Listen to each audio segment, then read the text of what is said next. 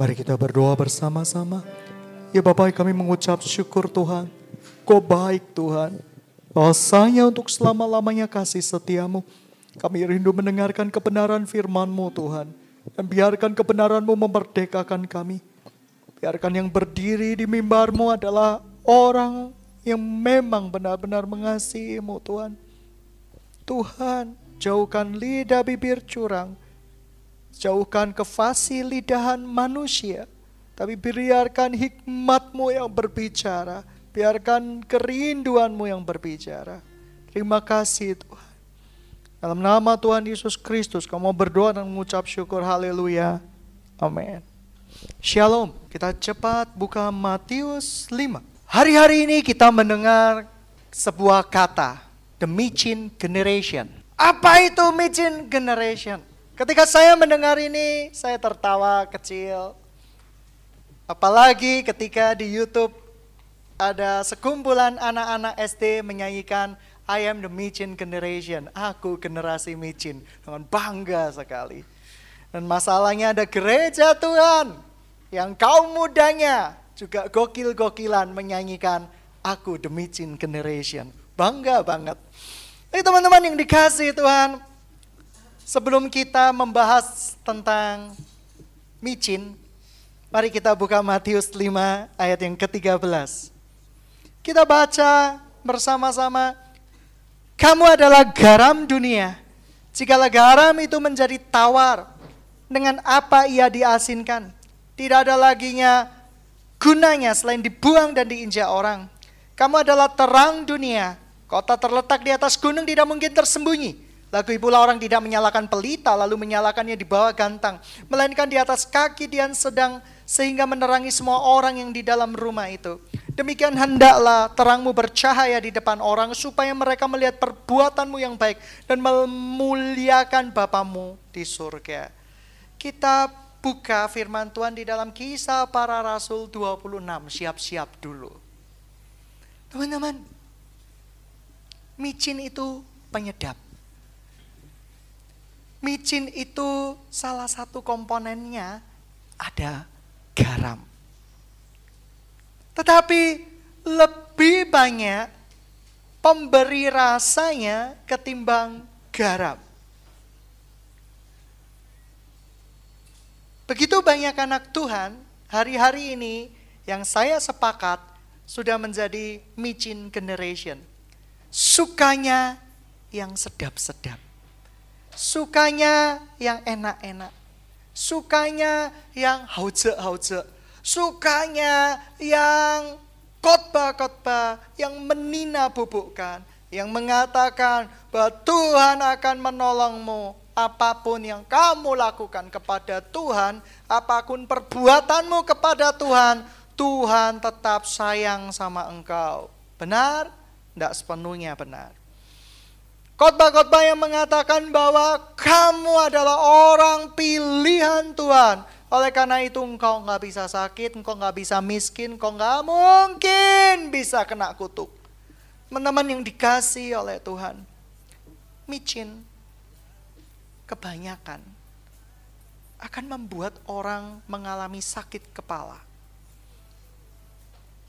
Mual, muntah, dan kadar yang sangat tinggi akan membuat gangguan di otak. Kita suka khotbah-khotbah yang bersifat micin. Kita suka khotbah-khotbah yang menyenangkan kita.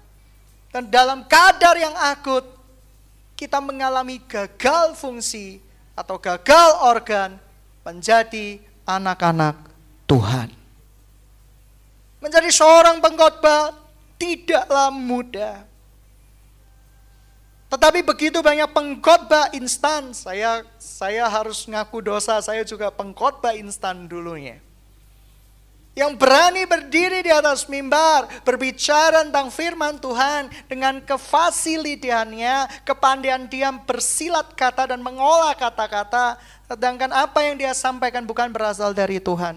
Tetapi apa yang dia sampaikan sebenarnya memberikan gambaran yang asing tentang Tuhan yang sebenarnya Tuhan yang marah di dihilangkan, Tuhan yang menghukum dihilangkan, salib dihilangkan, sehingga yang diciptakan adalah Tuhan Yesus yang baru, Tuhan Yesus yang made in China, murah, meriah, tahan lama.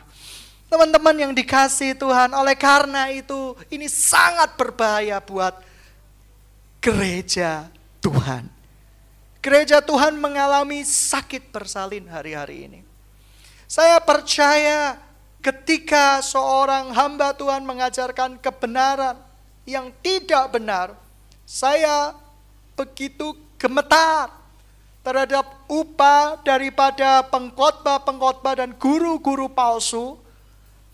Bersukacitalah hai engkau pengkhotbah dan engkau guru-guru karena upahmu dua kali lipat di sorga. Tetapi jikalau salah mengajar, Hukumanmu jauh lebih besar daripada orang kebanyakan. Oleh karena itu tidak mudah menjadi seorang pengajar. Oleh karena itu tidak mudah menjadi seorang guru. Oleh karena itu tidak mudah menjadi seorang pengkhotbah. Seorang pengkhotbah harus benar-benar sebelum berkhotbah memurnikan hatinya, menguduskan hatinya. Apakah kira-kira yang diceritakan ini berkenan di hadapan dia atau tidak? Teman-teman yang dikasih Tuhan, hari-hari ini saya tergerak untuk menceritakan bahwa gereja Tuhan sudah tidak menjadi garam lagi. Gereja Tuhan terlalu banyak intermeso. Gereja Tuhan terlalu banyak pemanasan tanpa mau memasuki medan pertempuran. Gereja Tuhan hanya pandai berdebat satu dengan yang lain, tetapi tidak pandai menjadi garam dunia. Ini mengerikan sekali.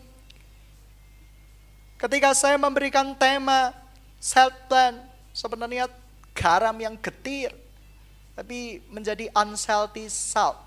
Artinya garam yang tidak asin. Sebenarnya yang benar itu garam yang getir, tawar, sepo, tidak enak.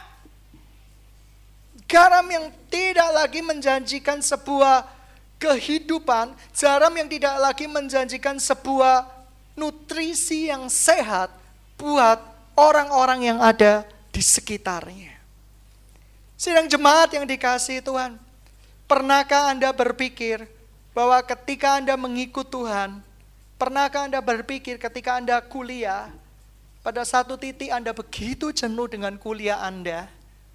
Saya pernah, saya begitu jenuh dengan kuliah saya dan terbangun apa yang sedang terjadi dengan saya? Mengapa saya masuk di dalam universitas ini? Mengapa? Apa yang saya lakukan? Ataukah ini sia-sia atau tidak sia-sia? Pernahkah engkau, hai para wanita, di dalam sebuah kehidupan pelayananmu bahkan, ketika engkau menari, engkau menyanyi, pada satu titik engkau merasakan begitu jenuh luar biasa. Apa yang saya lakukan? Untuk apa saya melakukan ini?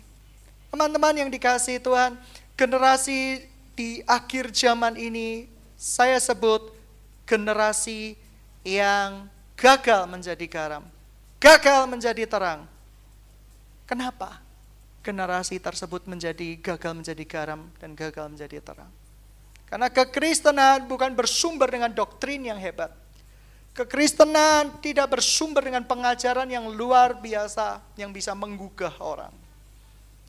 Tujuan daripada pengkhotbah bukanlah menceritakan kemahiran dia di dalam menguasai eksposisi Alkitab, menguasai konteks-konteks Alkitab, tetapi mari kita belajar seperti Rasul Paulus. Ketika dia berkhotbah, dia memaksa orang Ketika dia berkhotbah, dia betul-betul berdoa buat orang tersebut. Ketika dia berkhotbah, dia memohon kepada sebuah jemaat akan mengikuti kehendak Tuhan.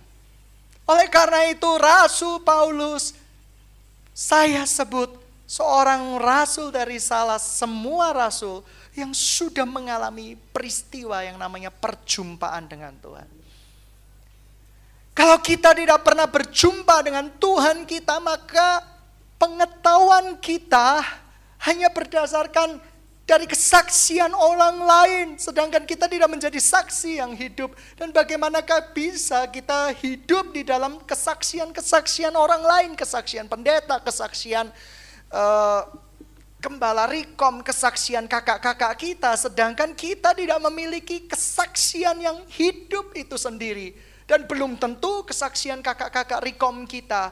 Orang hamba-hamba Tuhan itu merupakan kesaksian pribadi. Bisa saja dia bersaksi dari kesaksian yang lain dan kesaksian yang lain.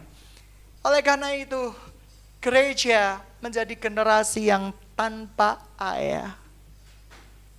Anda pernah dibesarkan tanpa ayah? Ada? Banyak. Kita tidak tahu, tidak dibimbing bagaimana yang benar dan yang salah. Oleh karena itu ketika kita menjadi generasi yang tanpa ayah, jangan heran produknya adalah produk yang gagal menjadi garam.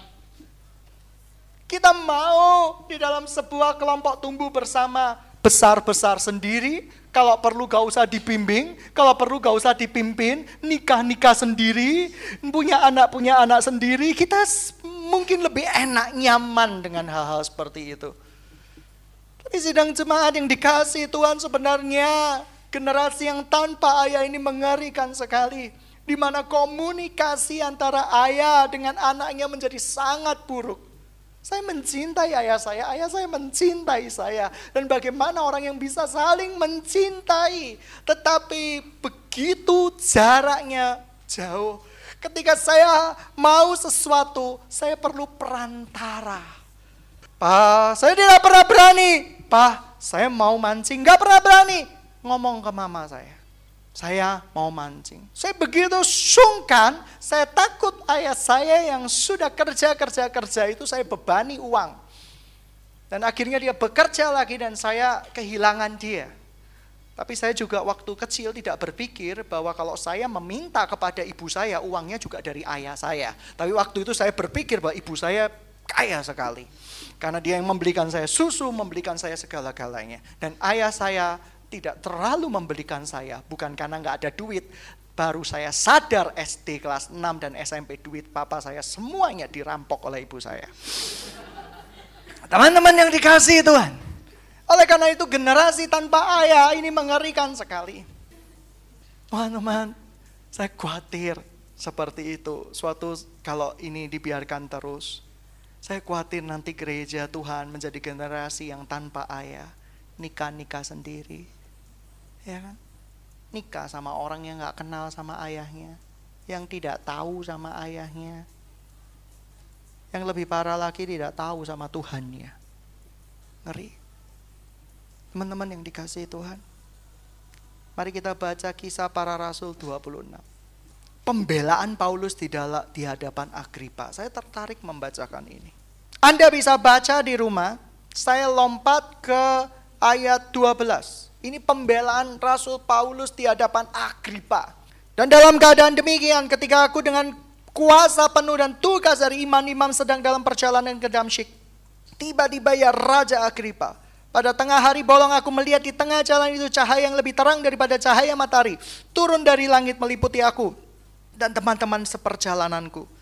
Kami semua rebah dan aku mendengar suatu suara yang mengatakan kepadamu dalam bahasa Ibrani, Saulus, Saulus, mengapa engkau menganiaya aku? Sukar bagimu menendang ke galah rangsang.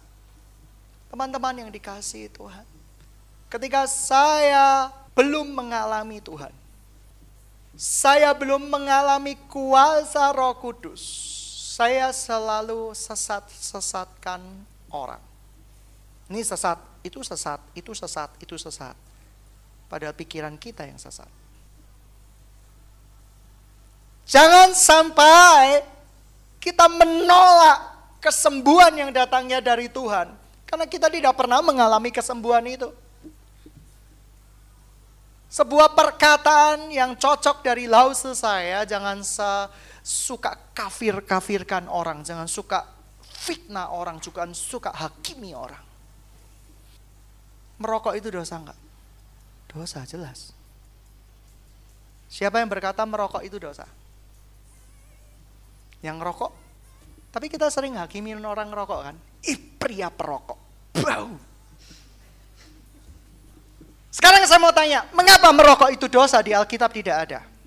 Karena merusak bait kudus Tuhan, yaitu tubuhnya. Lalu apa bedanya dengan kamu makan babi? Kamu juga merusak bait sucimu.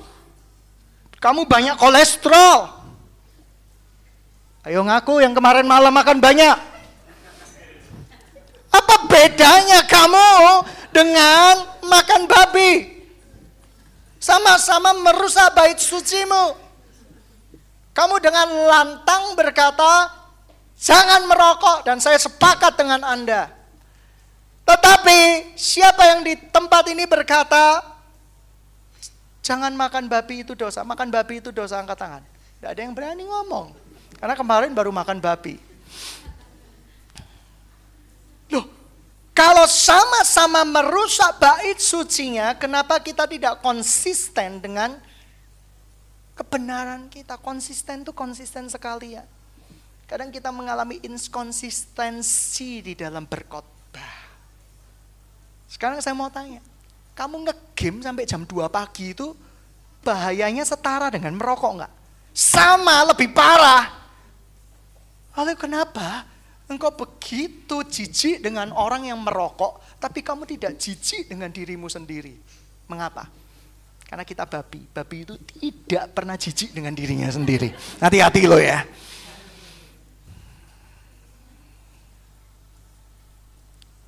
Ketika di malam tahun baru saya capek, saya letih sekali, saya habis bergumul dengan Tuhan.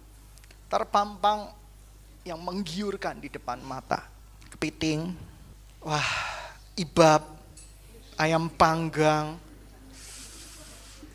ayam madu dengan kulit yang kemeripik. Wow, hmm, ya kan? Iman saya menjadi goncang, gundah gulana resah dan gelisah. Ya kan? Lalu di sana ada seafood. Aduh, nikmat sekali di situ ada sejenis apa ya ikan-ikanan. Wah yang dimasak dengan jamur-jamuran. Waduh ngiler. Teman-teman yang dikasih Tuhan. Saya nggak makan nasi, tapi saya makan banyak lauk. Saya menambah tiga kali Sekali-sekali nggak apa-apa, setahun sekali. Oke, setahun sekali. Ketika saya mendengar itu, saya makan, mulai makan. Ada mie seperti kuantung, uh, saya makan. Ada babi-babi di atasnya, babi merah, saya makan. Tiga kali, mangkoknya kecil kan, tapi nambahnya berapa kali? Kita nggak terasa bahwa itu akan jadi masalah buat tubuh kita. Demikian juga kemarin, saya cuma satu mangkok kecil. Ya kan? Secara psikologi, saya makan, haoce ping. Enak gila. Gitu ya. Saya nambah lagi. Tidak terasa, porsinya kecil kok. Tidak terasa tiga kali.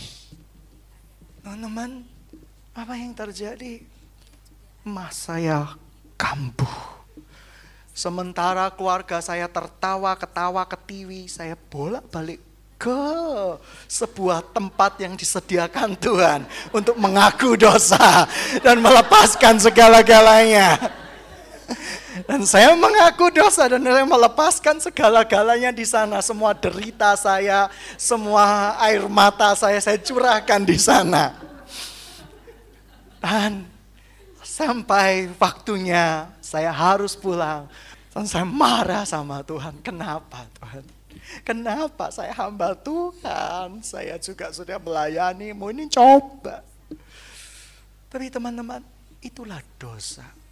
Filosofi dosa itu seperti mangkok makan orang Chinese. Betul. Ichipono. Tidak apa-apa, tidak apa-apa. Teman-teman yang dikasih Tuhan, sidang jemaat yang dicintai Tuhan. Sekarang kalau kita menghakimi orang merokok, kenapa kamu nggak menghakimi dirimu sendiri? Yang keluyuran sampai pagi, bergadang sampai pagi, secara kesehatan bahayanya sama merusaknya dengan merokok. Jangan pernah hakimi orang menurut takaran dan ukuranmu. Sebab dengan ukuran yang sama, engkau akan dihakimi. Lalu, ada ayat berikutnya yang luar biasa dikatakan begini. Gereja Tuhan menjadi gereja yang haus akan hadirat. Dan ini gawat sekali. Hadirat Tuhan bisa dipalsukan dengan musik-musik yang begitu menyentuh hati. Satu kesempatan ada seorang hamba Tuhan dengan musik-musik yang menyentuh hati yang berkata bahwa tidak tahukah engkau bahwa Tuhan mau menyelamatkan semua orang. Bahkan yang tidak percaya dia sampai sama sekali pada akhir hidupnya, Tuhan tetap menyelamatkan dia. Entah nggak dengar atau nggak dengar dengan musik yang beralun, orang berkata haleluya. Kau mikir manifestasi roh kudus tidak bisa dipalsu? Bisa dipalsu.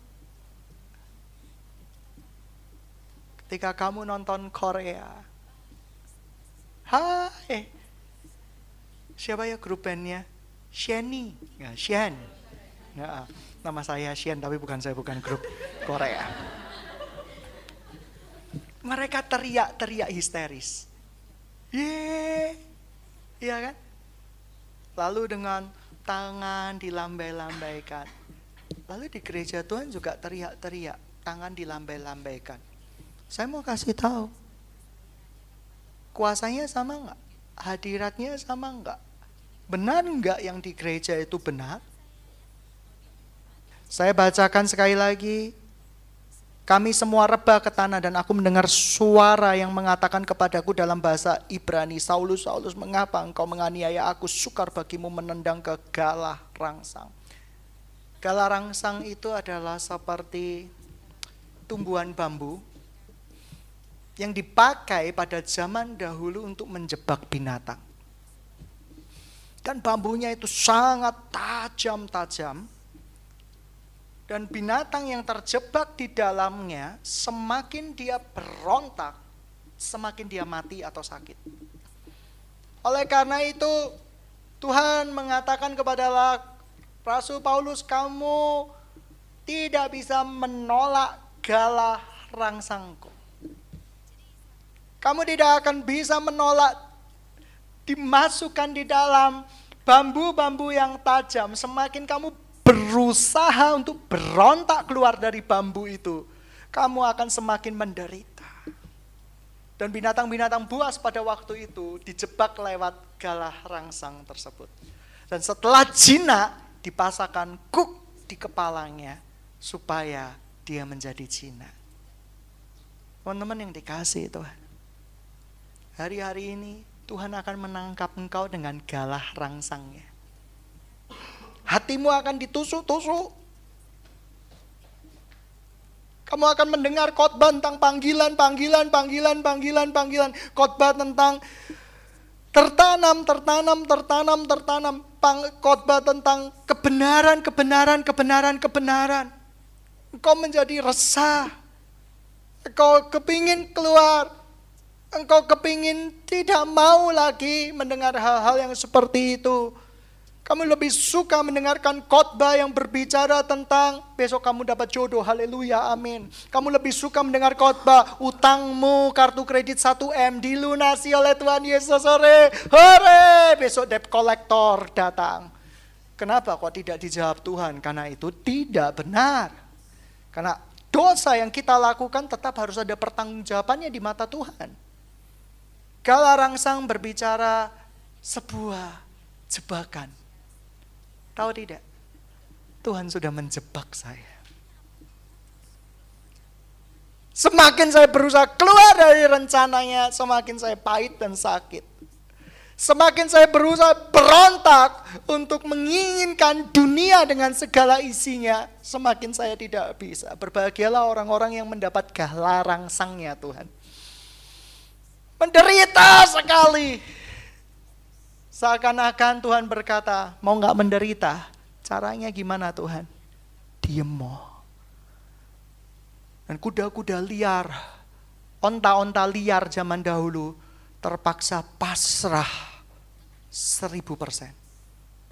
Ketika mereka berontak, kakinya tertancap duri-duri yang ada di bilah-bilah bambu tersebut. Sakit sekali. Kamu pikir satu bila bambu? Enggak. Gala rangsang itu seperti apa? Bila-bila bambu yang dibikin seperti kaktus. Dan itu jumlahnya banyak. Semakin kamu berusaha berontak, berlari, kakimu yang satu tertusuk. Semakin berusaha berlari, kaki satunya tertusuk. Tidak ada jalan lain kecuali pasrah. Nyerah wis, terserah. Oleh karena itu Paulus sering berkata aku ini tawanannya Tuhan. Dan itu benar. Karena dia tidak mungkin bisa lepas dari kasih karunia Tuhan. Dia tidak mungkin bisa keluar dari kemurahan hatinya Tuhan. Dia tidak mungkin bisa. Dia berkata aku ini tawanan rohmu Tuhan. Itu sesuatu yang luar biasa. Sidang jemaat yang dikasih Tuhan hari-hari ini, Tuhan rindu gereja ini, engkau menjadi garam dan terang dunia. Gereja yang gagal menjadi garam sebenarnya gereja yang sudah meninggalkan fungsi gereja itu sendiri. Gereja yang gagal menjadi garam sebenarnya gereja yang tidak mengalami perjumpaan dengan Tuhan. Jika engkau rindu. Mari kita mengenal Yesus. Rasul Paulus mengenal Yesus lewat perjumpaan yang luar biasa. Gereja ini tidak mengantarkan engkau dengan berkata-kata baik, tetapi mengantarkan engkau untuk berjumpa dengan pribadi Kristus itu sendiri. Saya percaya itu hukumnya Tuhan, itu kedaulatannya Tuhan. Dan saya percaya gereja ini harus mendorong orang-orang untuk memiliki kerajinan yang menyala-nyala dan tidak kendor. Untuk semua orang mengenal Tuhannya.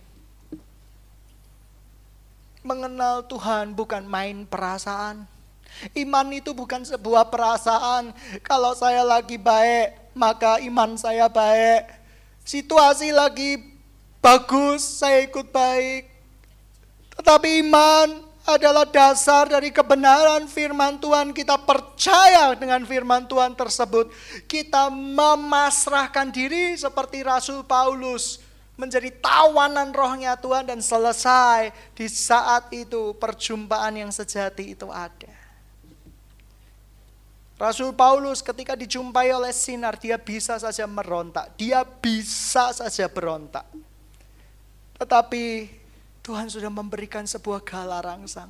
Dia tahu, dia sudah berjumpa dengan Tuhan ya. Semakin dia memberontak akan panggilannya, semakin dia memberontak terhadap kerinduan Tuhan, semakin dia akan sakit dan mati. Tapi puji Tuhan, Rasul Paulus seperti kuda liar yang sudah tertangkap oleh Tuhan. Semakin berontak, semakin sakit di hati. Semakin berontak, semakin kita galau, semakin berontak, semakin kita kalah. Tetapi tidak ada jalan lain. Hai engkau kuda-kuda yang bijaksana, mending pasrah. Karena semakin kamu berontak, kamu akan semakin tersakiti. Kamu sudah tahu tentang prinsip kebenaran firman Tuhan? Hari ini Tuhan memberikan gala rangsang kepada engkau. Supaya ketika semakin engkau berontak, saya berdoa, engkau semakin sakit, semakin berusaha keluar, engkau semakin sakit, semakin kamu berusaha untuk uh, menolak karya Tuhan, kamu semakin sakit. Tapi ketika Anda sudah ditangkap oleh galah rangsang, itu belum cukup. Tuhan akan memberikan kuk padamu. Tahu nggak kuk itu apa sih? Kuk itu tali tempat untuk tali kekang. Sehingga engkau bisa berkata, sekarang aku menjadi kuda yang jinak Tuhan. Ke mana saja yang engkau mau, aku mau di sana. Seorang hamba Tuhan tidak bisa mengusahakan galarang sang itu karena itu otoritas dari Tuhan. Kamu ingin kepada anak-anak rohanimu supaya mengikuti kehendak Tuhan. Lalu kamu siapkan bilah-bilah bambu. Sehingga ketika mereka keluar mereka akan tersakiti. Tidak bisa. Galarangsang itu otoritas dari Tuhan. Dan saya percaya setiap orang percaya akan mengalami galah rangsangnya Tuhan. Gak kuat aku. Saya percaya kalau kuda itu bisa ngomong, kuda itu pasti akan ngamuk-ngamuk. Sadis amat, benci aku, gak rela aku. Aduh, sakit. Begitu dia mau berjalan lagi, aduh, sakit. Sakit tahu? Ya. Dan sampai akhirnya kuda itu berhenti berteriak dan lemas. Ada dua, lemas dan akhirnya mati, atau lemas dan berkata, Tuhan, aku mau keluar dari galarang sang ini, kenakan aku kuk. Oleh karena itu, berbahagialah Anda-Anda semua yang mendapat kuk dari Tuhan. Mari kita bertumbuh di dalam kekristenan yang sehat. Bukan kekristenan yang hura-hura. Bukan kekristenan yang pura-pura. Bukan kekristenan yang bermasalah. Jadi Kristen yang benar-benar bersinar dan bercahaya. Sehingga orang melihatmu, melihat Bapa di surga.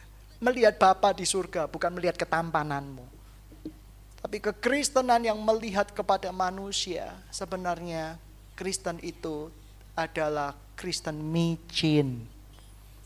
Suka yang sedap-sedap, suka yang nyaman-nyaman. Dan begitu dimakan overdosis. Kepala jadi sakit, mual-mual, dan mutah. Dan yang berikutnya, sidang jemaat yang dikasih Tuhan. Hari-hari ini Tuhan sedang membangun generasi terang dan generasi garam. Saya percaya tidak ada jalan lain ketika kita harus mengalami perjumpaan dengan Tuhan, kita alami perjumpaan dengan Tuhan kita. Mudah, tinggal berbicara kepada Tuhan kita, bersedia dibimbing oleh Tuhan kita bersedia dibimbing oleh dia sebagai empunya otoritas dari gerejanya. Dan saya percaya ketika kita mengalami hal tersebut, engkau akan mengalami kepenuhan di dalam anugerahnya. Engkau akan berbahagia dengan jalan-jalannya. Ketika Rasul Paulus, dia adalah seorang murid dari universitas terhebat di zaman dahulu dia mendalami bahasa Ibrani. Dia murid dari Gamaliel. Ini S4-nya. Suhunya guru besar. Dia menganiaya orang Kristen, dia merasa tindakannya itu berbuat bakti kepada Tuhan. Sebab dia belum mengalami Tuhan, dia merasa membela kitab suci ajaran Musa. Tapi apa yang dia lakukan sebenarnya mendukakan hati Tuhan. Tapi belum selesai. Tuhan beracara dengan Rasul Paulus. Ia dibuatnya tunduk kepada ketetapan-ketetapan Tuhan dan menjadi tawanan rohnya Tuhan. Dan puji Tuhan. Dia menjadi rasul yang luar biasa. Sidang jemaat yang dikasih Tuhan. Saya berdoa semua yang hadir di tempat ini bertumbuh di dalam pengenalan firman Tuhan hidup ini sementara. Kita ini makhluk kekal. Tubuh ini tidak kekal. Oleh karena itu mari kita mengejar yang menjadi kekekalan kita. Kita hidup puluhan tahun di muka bumi ini. Jika beruntung 100 tahun, jikalau untung pol itu sudah.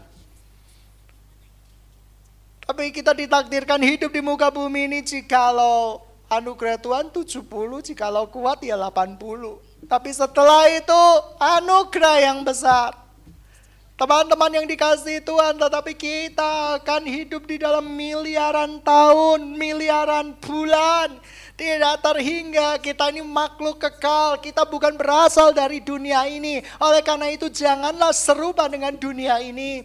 Karena murid-murid yang berasal dari sorga. Saya percaya ia akan membenci dunia ini. Sebab dunia sudah menolak mereka. Sebab dunia sudah tidak senang dengan mereka. Oleh karena itu kita bukan berasal dari dunia. Siapkan dirimu. Waktu-waktu ini sangat berharga. Kuatkan saudara-saudaramu. Bawa jiwa sebanyak-banyak mungkin. Karena ada waktunya.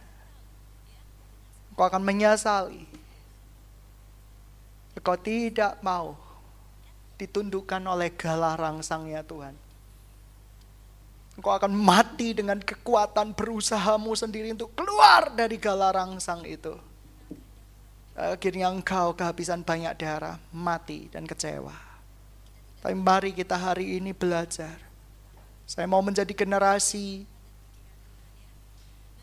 yang mengasinkan dunia.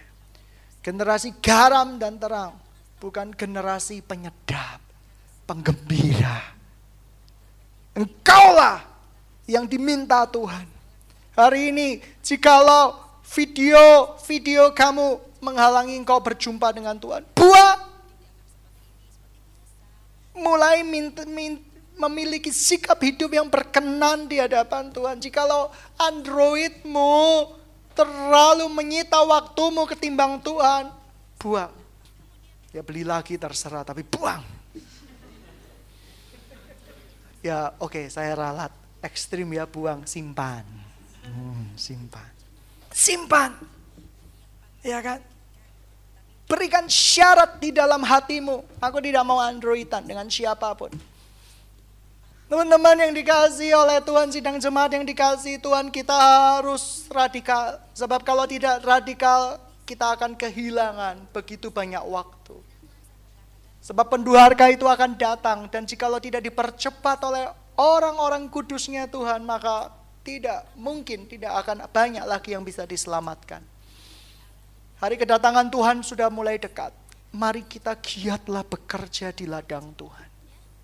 Begitu banyak jiwa yang kita menangkan. Engkau guru-guru, engkau bisa memenangkan banyak murid-murid yang ada. Engkau sahabat-sahabat, engkau bisa memenangkan teman-temanmu, teman-teman SMA-mu, teman-teman perguruan tinggimu. Engkau bisa memenangkan, membawa mereka ke dalam figur Kristus yang benar menurut firman Tuhan. Anda bisa datang ke gereja karena kecantikan dari hamba Tuhan yang berbicara, ketampanan dari hamba Tuhan yang berbicara, atau mungkin kamu uh, pergi datang ke gereja karena engkau merasakan sensasi hamba Tuhan yang super gemuk berbicara, atau mungkin kau merasakan sensasi dari pemain-pemain musik yang super super ganteng. Kamu merasakan paduan suara yang begitu menggetarkan. Tetapi jikalau engkau tidak mengerti dan tidak mengalami perjumpaan dengan Tuhan, sebenarnya sia-sia belaka. Oleh karena itu, gereja ini mengajarkan kalian berjumpa dengan pribadi Tuhan. Berdamai dengan Tuhan. Siapa yang mendengar khotbah hatinya sakit, angkat tangan. Itu jujur. Tidak ada? Oh baik semua. Tapi kalau yang sakit dengerin khotbah tadi, saya berterima kasih karena kamu sudah punya galah rangsang men. Gitu ya. Kamu sudah merasakan sakit. Tidak enak. Tetapi ketika engkau berdiam diri dan mau mengenakan kuk, percayalah, Tuhan tidak akan pernah membiarkan kau sendiri. Mari kita tundukkan kepala kita masing-masing hari ini. Engkau adalah garam dunia. Jikalau engkau tidak asin, untuk apa lagi Gereja yang tidak asin akan dibuang oleh banyak orang. Gereja yang tidak asin akan diinjak-injak. Generasi engkau anak-anak Tuhan. Jikalau hidupmu tidak menjadi berkat dan dampak, untuk apa engkau hidup? Tapi inilah kebenaran itu. Engkau adalah anak-anak Tuhan. Engkau adalah garam dan terang dunia. Saya percaya Engkau adalah garam dan terang dunia. Kau bukan generasi micin, tapi engkau generasi garam dan terang dunia. Dan jikalau garam itu tidak lagi asin, tapi getir, tidak ada gunanya. Itu akan mendatangkan kecelakaan yang luar biasa. Mari teman-teman, kita adalah keluarga Allah. Kita adalah gereja Tuhan. Buang segala egomu, buang ke segala kesombonganmu. Kita adalah paduan suara di gereja Tuhan. Saya percaya kita ada adalah paduan suara yang terbesar di surga. Kau akan belajar melihat saudaramu yang kiri, saudaramu yang kanan, berkolaborasi dengan mereka, menghargai, menghormati, untuk menciptakan paduan suara yang begitu indah. Mari kita sungguh-sungguh melayani Tuhan. Jika engkau ada masalah, bereskan.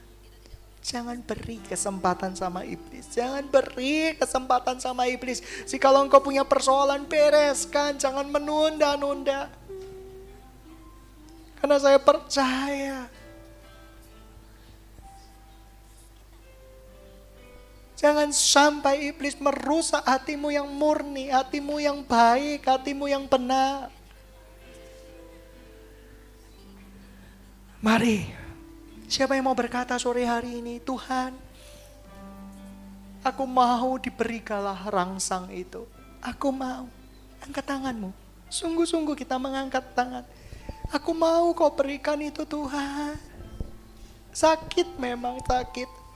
Tapi di dalam ketidakberdayaanku kau bekerja, di dalam kesakitanku kau bekerja, di dalam segala sesuatu kau bekerja. Dan aku mau mengenalmu Tuhan, aku tidak mau menjadi generasi tanpa ayah.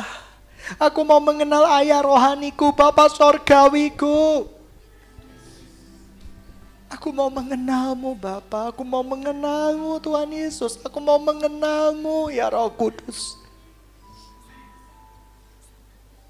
Kami mau mengenalmu.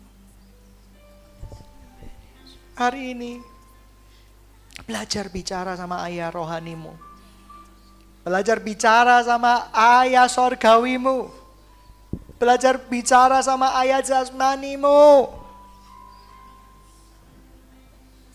Hilangkan bad communication.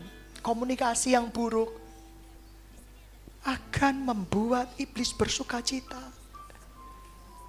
Ia akan memberikan begitu banyak kepahitan di dalam hidupmu dan tanpa terasa, tanpa terasa ia menjauhkan engkau dari kasih karunia Tuhan. Berbicaralah. Dan kau gembala-gembala, jika engkau punya permasalahan dengan anak-anakmu, bicara. Jangan lewat orang lain, bicara. Tegur mereka sebagai anak muda di dalam Tuhan dengan penuh kemurnian. Terima kasih Tuhan yang rindu kita mengangkat tangan. Katakan kepada Tuhan, aku mau menjadi generasi garam dan terangmu Aku mau generasi yang memiliki ayah yang membimbingku, yang menuntunku Tuhan. Aku mau menjadi generasi jawabanmu Tuhan. Aku mau Tuhan gerejamu bersinar kembali di tengah kegelapan bumi ini. Saya berdoa di tempat ini akan banyak anak-anak muda yang memberikan hidupnya untuk Tuhan. Saya berdoa kalau rangsang Tuhan itu akan diberikan di dalam hidupmu sampai kau tidak tahan lagi dan berkata aku menyerah. Aku menyerah kepadamu Tuhan. Silakan pakaikan kuk yang kau izinkan aku pakai Tuhan. Aku mau Tuhan. Aku mau. Ke mana saja aku siap sedia aku mau dibentuk. Aku tahu itu sakit. Aku tahu itu tidak nyaman Tuhan. Tetapi aku tahu kesakitan yang kualami ini mendatangkan kemuliaan kemuliaan yang besar mendatangkan sebuah anugerah yang besar. Mari kita berdiri bersama-sama. Kita mengangkat kedua tangan kita. Katakan kepada Tuhan ke mana pun kau mau aku mau Tuhan. Aku mau. Aku ini milikmu umat kepunyaanmu Tuhan Biarkan cita-citamu berdiri di atas semua cita-citaku. Kesombonganku, keakuanku, keangkuanku, kefasikanku.